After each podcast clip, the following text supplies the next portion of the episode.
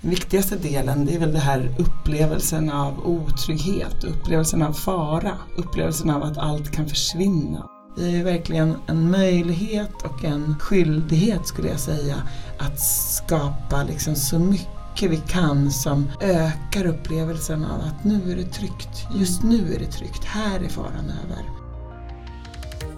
Pandemi, krig, konflikter utan slut och nya krig. Humanitära katastrofer avlöser varandra och slår hårdast mot världens utsatta, framförallt barn. I det här avsnittet lyfter vi hur det kan vara att fly från krig och vilket stöd som behövs till barn som tvingas uppleva jobbiga livshändelser. Jag heter Rebecka Hagman och är kommunikatör på Skyddsvärnet, vars podd du nu lyssnar på. Glöm inte att följa podden på till exempel Spotify eller i podcasterappen. Där kan du överlämna recension så vi vet vad du tycker om podden. Och dela gärna med dig av avsnitt som du gillar till dina nära och kära så att fler hittar hit. Men nu till veckans gäst som är Hanna Termenius.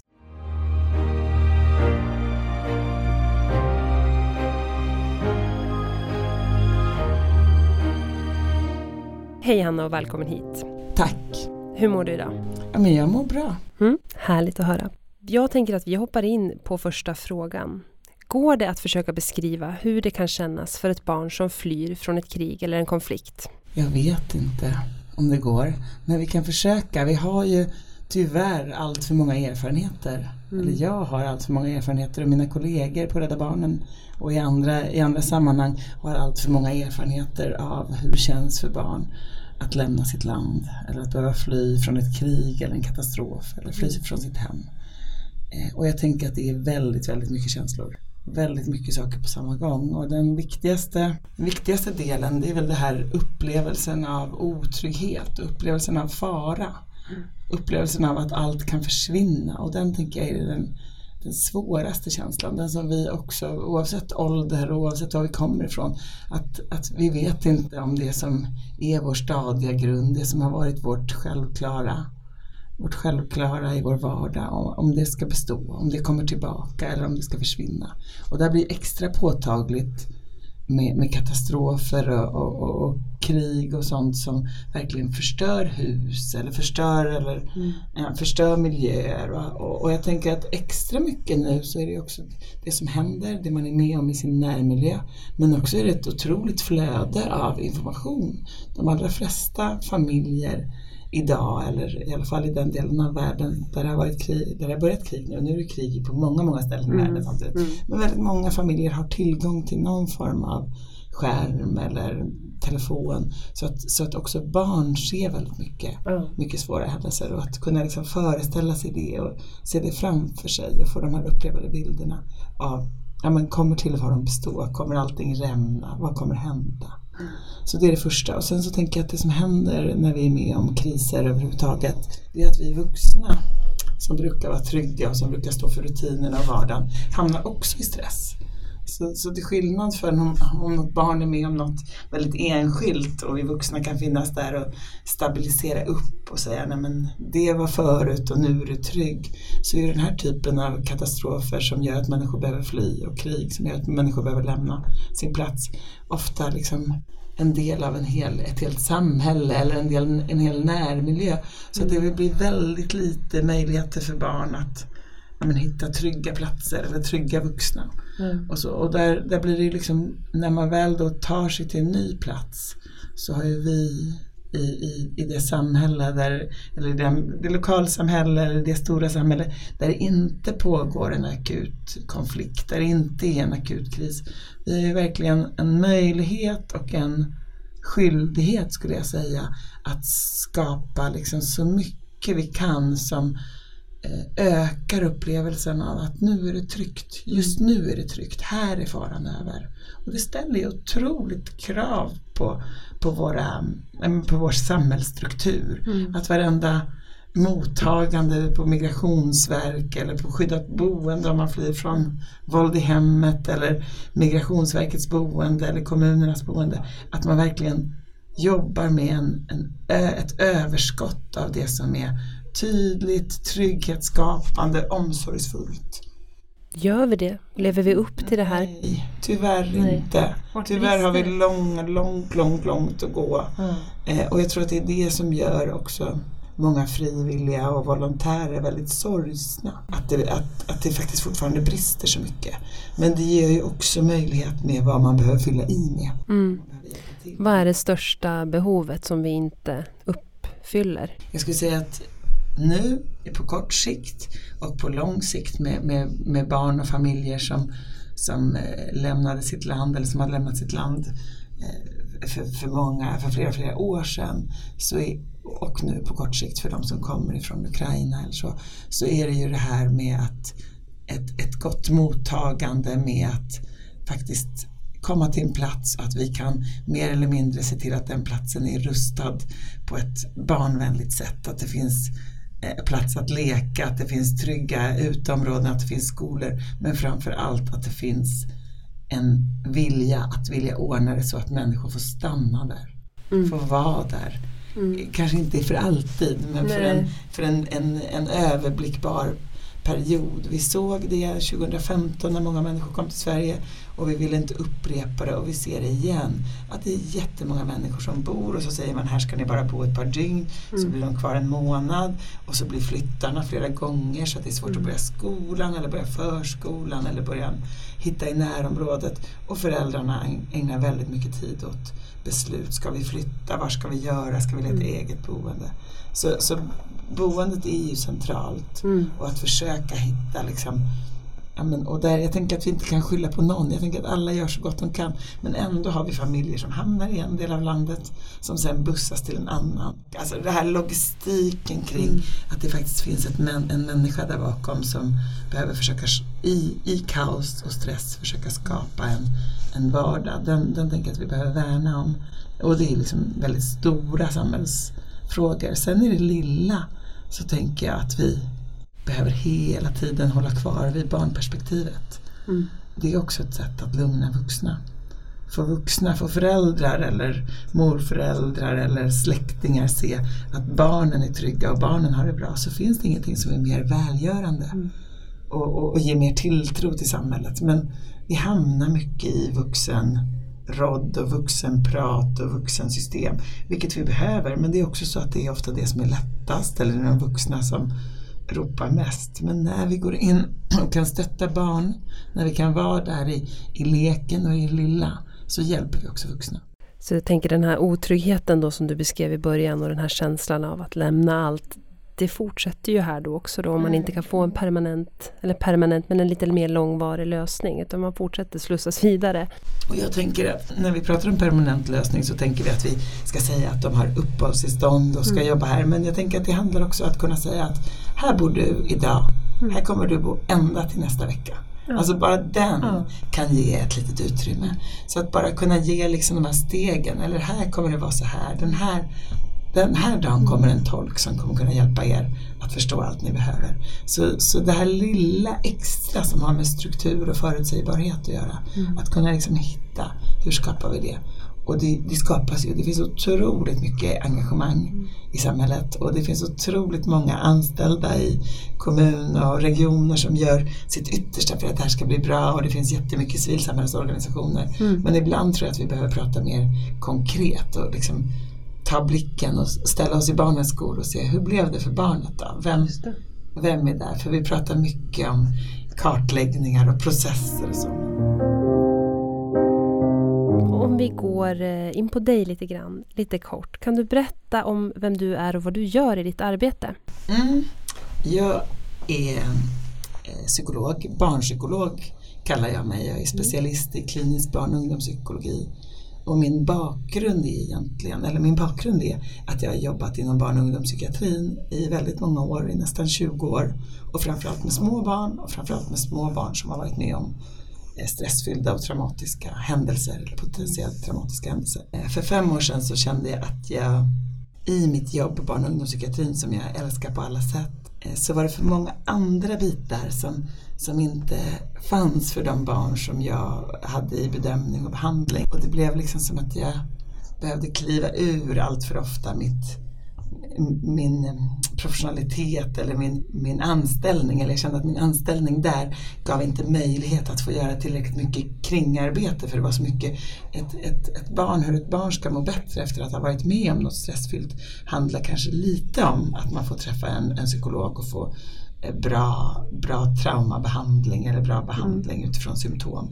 Men det handlar väldigt mycket om dygnets alla andra timmar.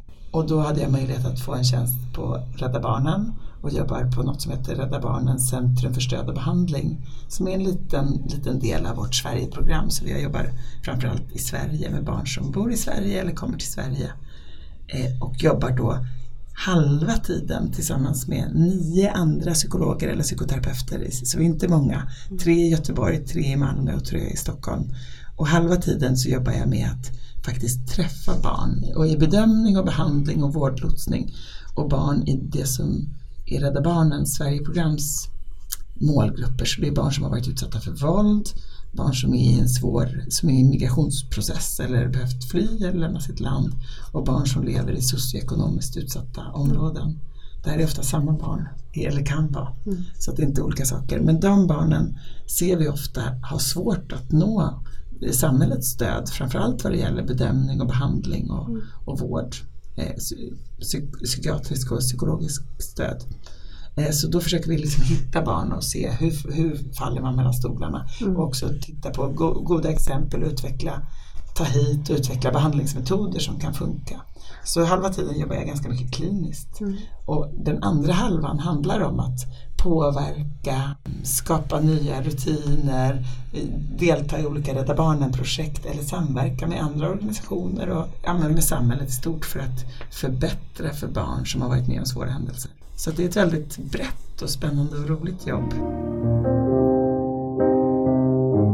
Trots att man är professionell är man ju bara människa också och när man jobbar som du gör och möter framförallt barn som har haft det väldigt svårt. Hur påverkar det Kan man liksom stänga av det där och gå hem? Eller tar man med sig det? Och liksom, är det svårt att hantera? Eller? Det gäller att eh, försöka se till, och det här är svårt och det här vet alla som jobbar oavsett vad man jobbar med, att försöka eh, se till att hitta balansen mellan, mellan jobb och fritid. Mm. Eh, och klarar, klarar jag att hitta någon slags balans mellan jobb och fritid, då tycker jag att jag klarar ganska bra att stå ut med att barn har det svårt och jobbigt mm. eh, i, i, min, i min liksom vardag liksom löpande.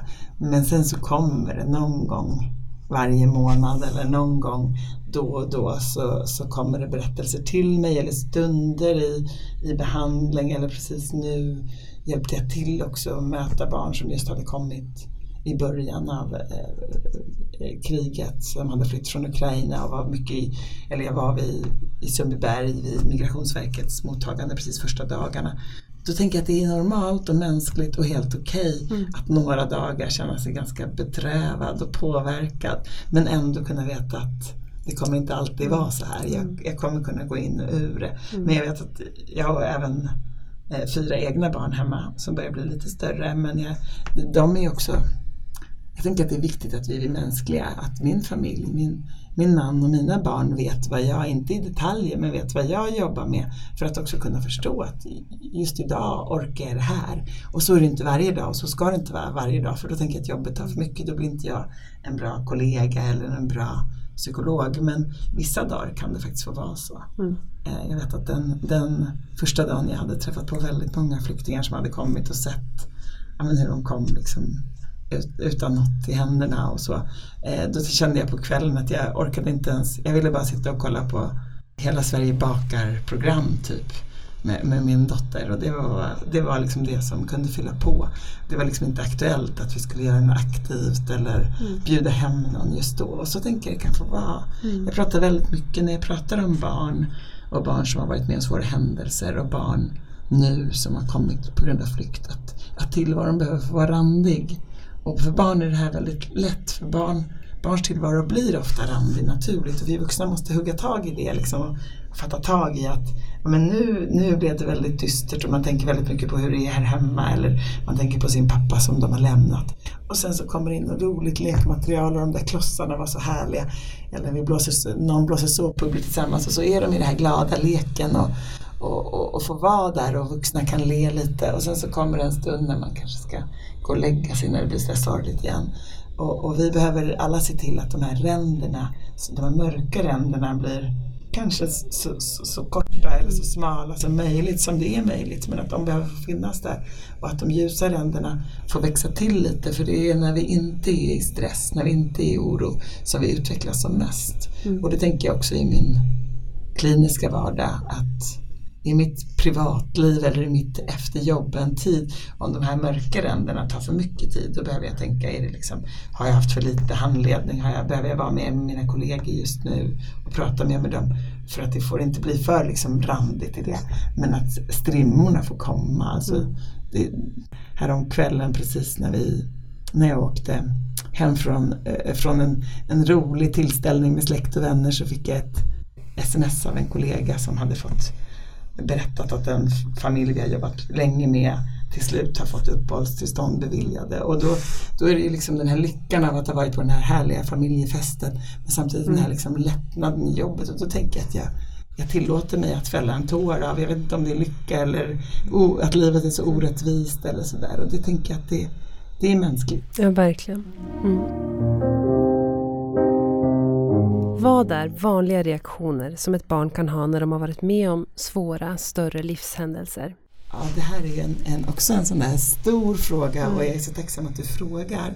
För när barn har varit med om, om, om svåra händelser, jag, jag, brukar beskriva det på ett lite psykologiskt sätt men som kanske mina psykologkollegor skulle säga är för enkelt. Men jag brukar tänka att det är som att vi har, vår hjärna har som två system. Alla, alla människors hjärna har som två system och det ska vi ha. Eh, det är liksom bra. Vi har ett system som ska vara på när vi är lugna och trygga och ett system som ska gå på när vi är oroliga, är stressade eller är i fara. Mm. Och det är det man brukar kalla för fight, flight och freeze-systemet. Mm. systemet som aktiveras och som vi delar med andra däggdjur faktiskt. Att ha ett system i hjärnan som, som går på när vi är i fara. När, när den delen av hjärnan går på när vi tänker att något är farligt då ska vi inte sitta och ha det mysigt eller ha det bra eller fokusera på annat utan vi ska bara fokusera på att skydda oss från fara. Så då går kroppen igång, det liksom hjärtat slår lite snabbare och hårdare, andningen går upp, musklerna, blodet åker ut till musklerna i, i armar och ben och liksom vi, vi får en kroppslig reaktion också. Eh, det är bra om vi till exempel om det skulle rusa in en björn här där du och jag sitter och mm. föreläser, då skulle det vara bra om vi, att vi får på vårt stresssystem och så hamnar vi kanske i fight, att du börjar slå mot björnen kanske. Mm. kommer vara en lösning. Mm. Eller, eller flight, fly, att jag sticker iväg ut här och bara springer fortast jag kan när jag kommer efter och säger Jösses, hur sprang jag så fort? Eller freeze, som faktiskt barn använder, att man bara spelar död eller fryser still. Så kroppen är precis lika påslagen men vi, vi spelar som döda. Och sen om någon skulle komma in, om din kollega skulle komma in och säga nej men det var inte en björn, det var bara jag som bara en björndräkt. Mm. Då skulle vi liksom sakta bara kunna lugna ner oss. Och sen så åker vi hemåt här, cyklar eller promenerar hem och så dyker det upp en, ja inte vet jag, en stor lastbil med en bild på en björn på. Då kanske våra system skulle gå igång igen. Mm. Och det är det där som brukar kallas för triggers, eller att man går igång igen. Och för, och för barn som har varit med om skrämmande händelser och särskilt händelser som har inneburit att man nästan tror att man skulle dö eller att någon av ens nära ska dö. Då går ju det här systemet på väldigt starkt och man blir väldigt beroende av vuxna eller beroende av stöd. Och det är liksom normalt och naturligt. Men när det är på, det här röda systemet som jag brukar kalla det, då kan inte det gröna, lugna, lugn och ro-systemet vara på samtidigt. Det som får oss att känna om vi är hungriga eller mätta, om vi är pigga eller trötta prata, det som gör att vi kan vara i samtal eller mm. samspela och leka med andra. Eh, det som gör att vi kan koncentrera oss på uppgifter och klara av saker. Så när det röda systemet står är på så förlorar vi mycket av våra liksom, vardagsfunktioner som är härliga, vilket är bra på kort sikt men farligt på lång sikt. Mm. Så en lång intro till att säga att de symptom som barn kan ha när de har varit med om skrämmande händelser, det är ofta symptom som man får när en stresssystem är på. Och det kan vara allt från att man hamnar då i ett fight mode, att man blir väldigt arg, Mm. Man eh, kanske blir hårdhänt, gör illa sitt syskon fast man inte vill, slår på en förälder fast man inte brukar göra det. Eh, det liksom händer massa saker. Mm. Stör i en barngrupp, kan liksom inte leka för man kan inte det där med samspel när man, är, när man har stressen aktiverad. Men det är också det här med, med, med fight eller flight-systemet, att fly. Att man blir väldigt, drar sig tillbaka, går undan, vill inte ta blickkontakt, vill liksom eh, drar iväg från den vuxna, liksom försöker komma bort. I, I, skolan kan det handla om att man plötsligt bara går ifrån skolan eller springer därifrån eller mm. inte står i ledet eller så. Och sen har vi det här frysa still-modet, att man är som av, avskalat, att man är väldigt introvert eller att man bara sitter liksom och jag skulle säga att man tittar på det på en karta för samtidigt så är det ju så att man har inte det gröna systemet på. Så det kan också betyda att man äter väldigt mycket eller att man mm. inte äter alls, att man sover väldigt mycket eller inte sover alls, att man har jättesvårt att koncentrera sig, att man går från grej till grej. Och att man inte har den här samspelsförmågan på så att man blir väldigt liksom snabb i samspelet med andra, man går vidare hela tiden. Och framförallt som vuxna då kan se att man kanske tappar funktioner som man förut har kunnat. Man kanske börjar kissa på sig fast man har kunnat reglera det här med när man är torr eller inte. Mm. Eh, man kanske vill sova väldigt nära den vuxna för att man är liksom så, man är i det här liksom att man vill fly undan, gömma sig, söka trygghet, söka mm. skydd och det kanske man inte har gjort på länge.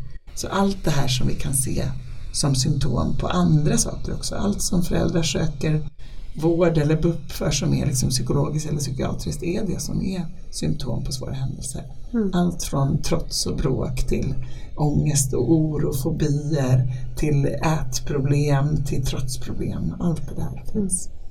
Vad är viktigt att tänka på då när man som vuxen bemöter och vill ge stöd? Man kanske inte har verktygen. Nej. Men om, om vi börjar med att tänka att svåra händelser kommer för oss alla skapa svåra känslor. Eller svåra känslor skapar nästan alltid hos barn ganska svåra beteenden. Mm. Så om vi börjar med att sätta på de här glasögonen där vi tänker att det barn visar är inte de gör inte saker för att jävlas eller för att få igenom saker eller för att de vill något och för att de trotsar eller för att de är ouppfostrade utan de gör så gott de kan utifrån de förutsättningarna de har just då.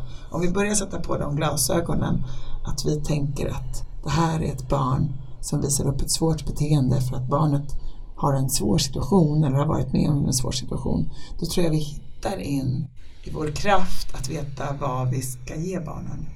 Och det här är ju också svårt för är du ensam vuxen och ska vara med 25 barn som där fem stycken har de här svåra beteendena. Då blir det väldigt svårt för då blir man så här, men skärp er nu, tänk på alla andra mm. och det är andra barn som också, eller allt det här. Men har vi tillgång, ger vi tillgång till vuxna så kan vi som vuxna tänka att det här barnet som är svårast i gruppen är den som behöver mest omsorg, mest vänliga ord, mest alternativ, mest påfyllning. Och det där kan vara ganska svårt för i många, ja, till exempel i, som fotbollstränare eller i skolan eller på förskolan så kan man som ensam vuxen känna att det här barnet behöver det här lilla extra. Men det kan också vara jättesvårt att koppla till kollegor mm. eller vänner där och se varför. Men vi har ju sagt att vi ska vara strikta. Alla som sparkar andra under fotbollsträningen ska ju åka ut eller ingen får ju prata i ledet eller så. Så vi har väldigt snabbt till att vilja bestraffa eller vilja liksom strukturera, sätta gränser eller vara tydliga och så. Och det behöver vi också göra med ramar och gränser och liksom så. Men vi behöver också ha de här glasögonen på oss. För varje ram och varenda gräns vi sätter behöver vi också tänka på hur blir det för det här barnet? Hur ska de känna sig som att de inte är avvisade utan blir påfyllda? Hur vanligt är det att barn som flyr från krig eller har varit med om liknande svåra livshändelser utvecklar PTSD?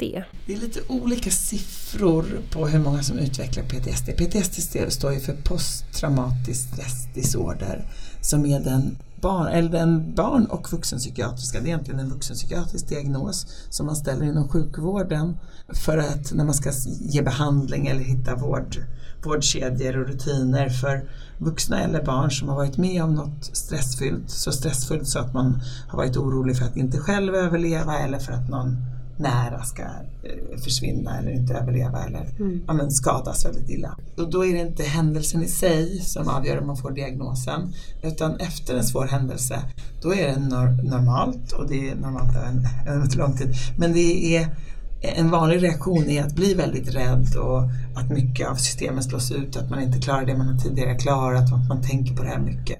Men om det efter tid, efter ett par månader fortfarande stör i ens vardag på ett väldigt återkommande och tydligt sätt, då brukar vi kalla, kalla det för att det har utvecklats till ett till en diagnos eller till symptom.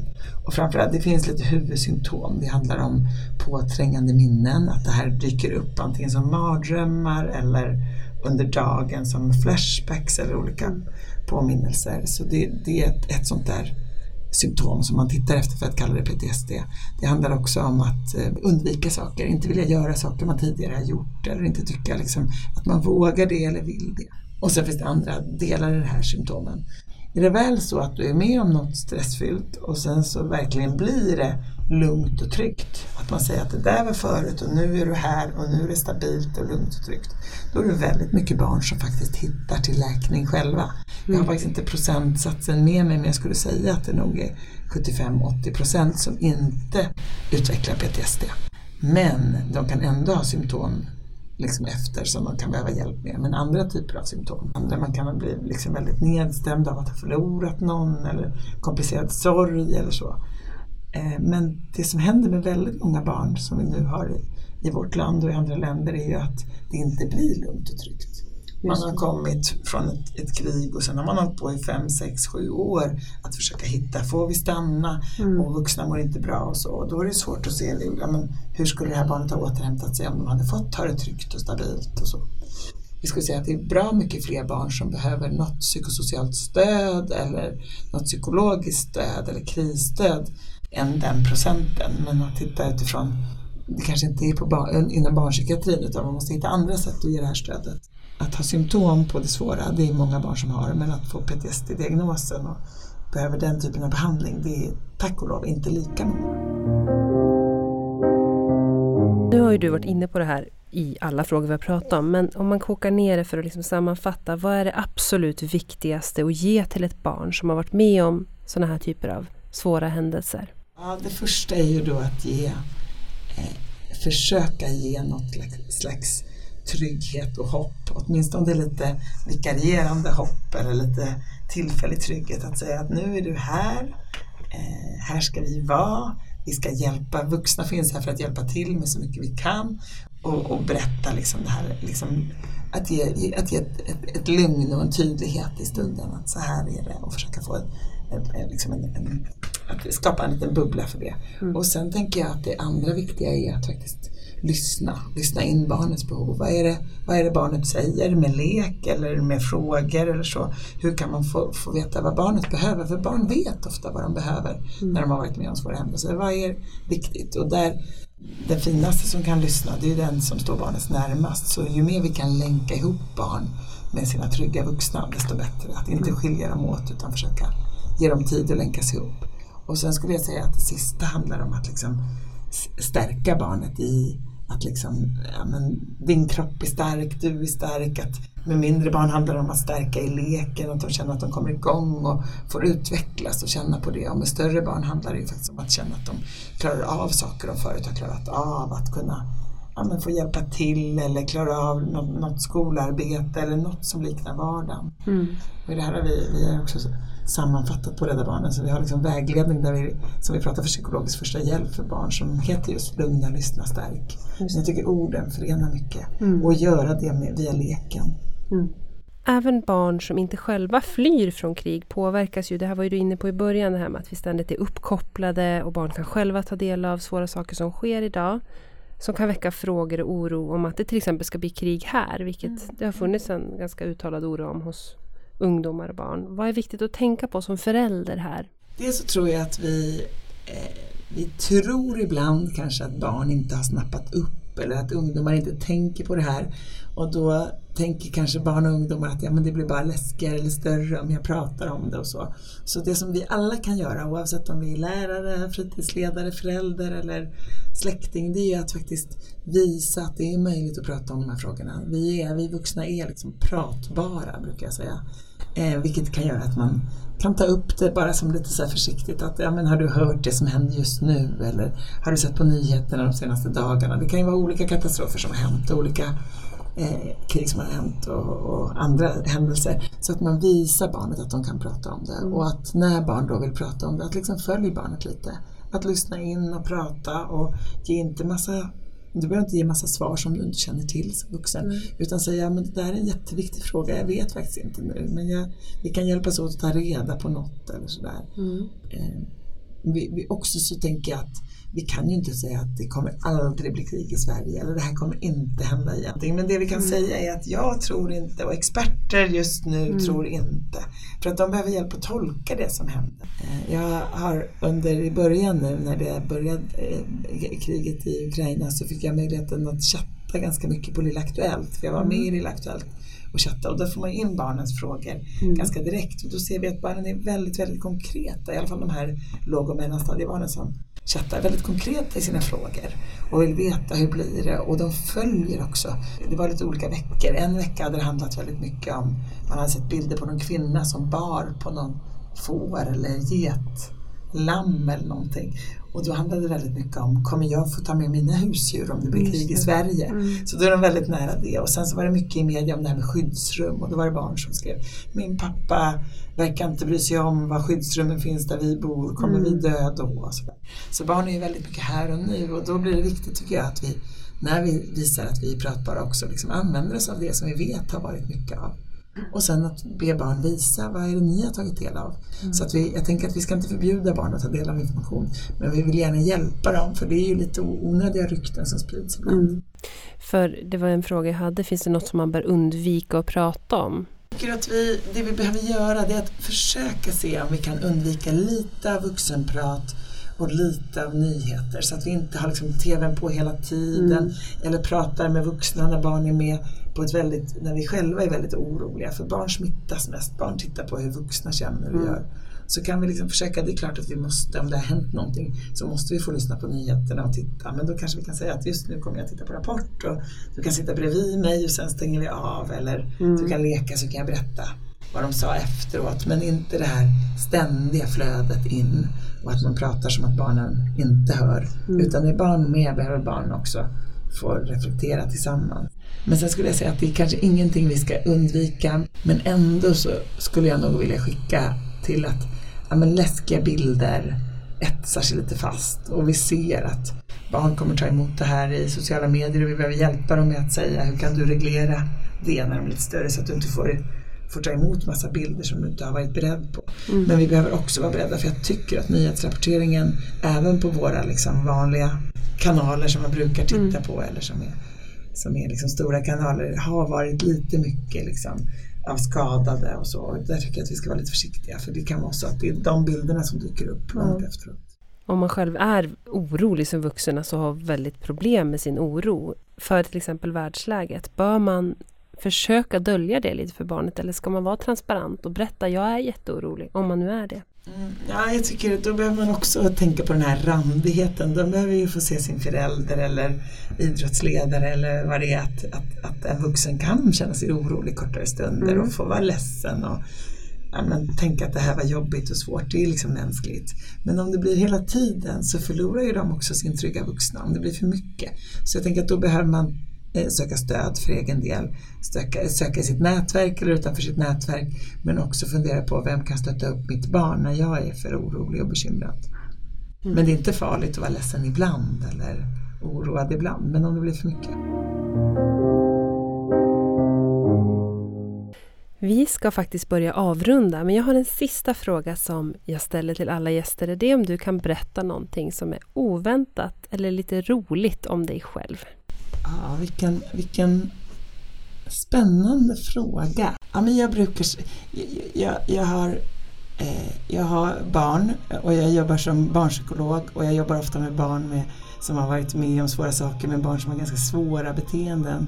Och jag har ett sånt här lifehack som är lite oväntat kanske. Mm. Men, um, ja, men verkligen främja det att vara tillsammans med sina barn, äta tillsammans och så. Men mitt lifehack är att faktiskt ge sina barn frukost på sängen, inte för barnens skull. Och det, gör jag, det har jag gjort med mina tvååringar, jag gör det med mina 19-20-åringar. Mm. Inte för barnets skull så mycket. Det är, en, det är en omsorg och de får mat. Men också för att det är så himla skönt att få börja dagen själv med en kopp te och en dagstidning. Mm. Frukost på sängen varje vardag men, men väldigt enkelt så länge tills de säger nej och då får man stå ut med att de är där. Men att det, det är inte att skämma bort sina barn eller försumma dem utan det är bara att få sin lilla egna tid och börja dagen i sin egen takt. Och ett tag gick det så långt, jag har en son som faktiskt nu är nästan vuxen men som var jättearg på morgonen hela förskoletiden. Och där gick det inte ens att ge honom frukost på morgonen utan honom klädde vi på i mjuka kläder som man skulle ha på förskolan och gav frukost på kvällen. Så var det mm. bara väcka och sätta i bilen eller cykelkärran på morgonen. Så det är lite oväntat men det är en sån här sak som jag brukar ta upp att man behöver göra på sitt sätt och hitta sin väg. Vilket bra hack! Ja. Du Hanna, då vill jag säga stort tack för att du kom hit och pratade om det här idag. Tack så mycket.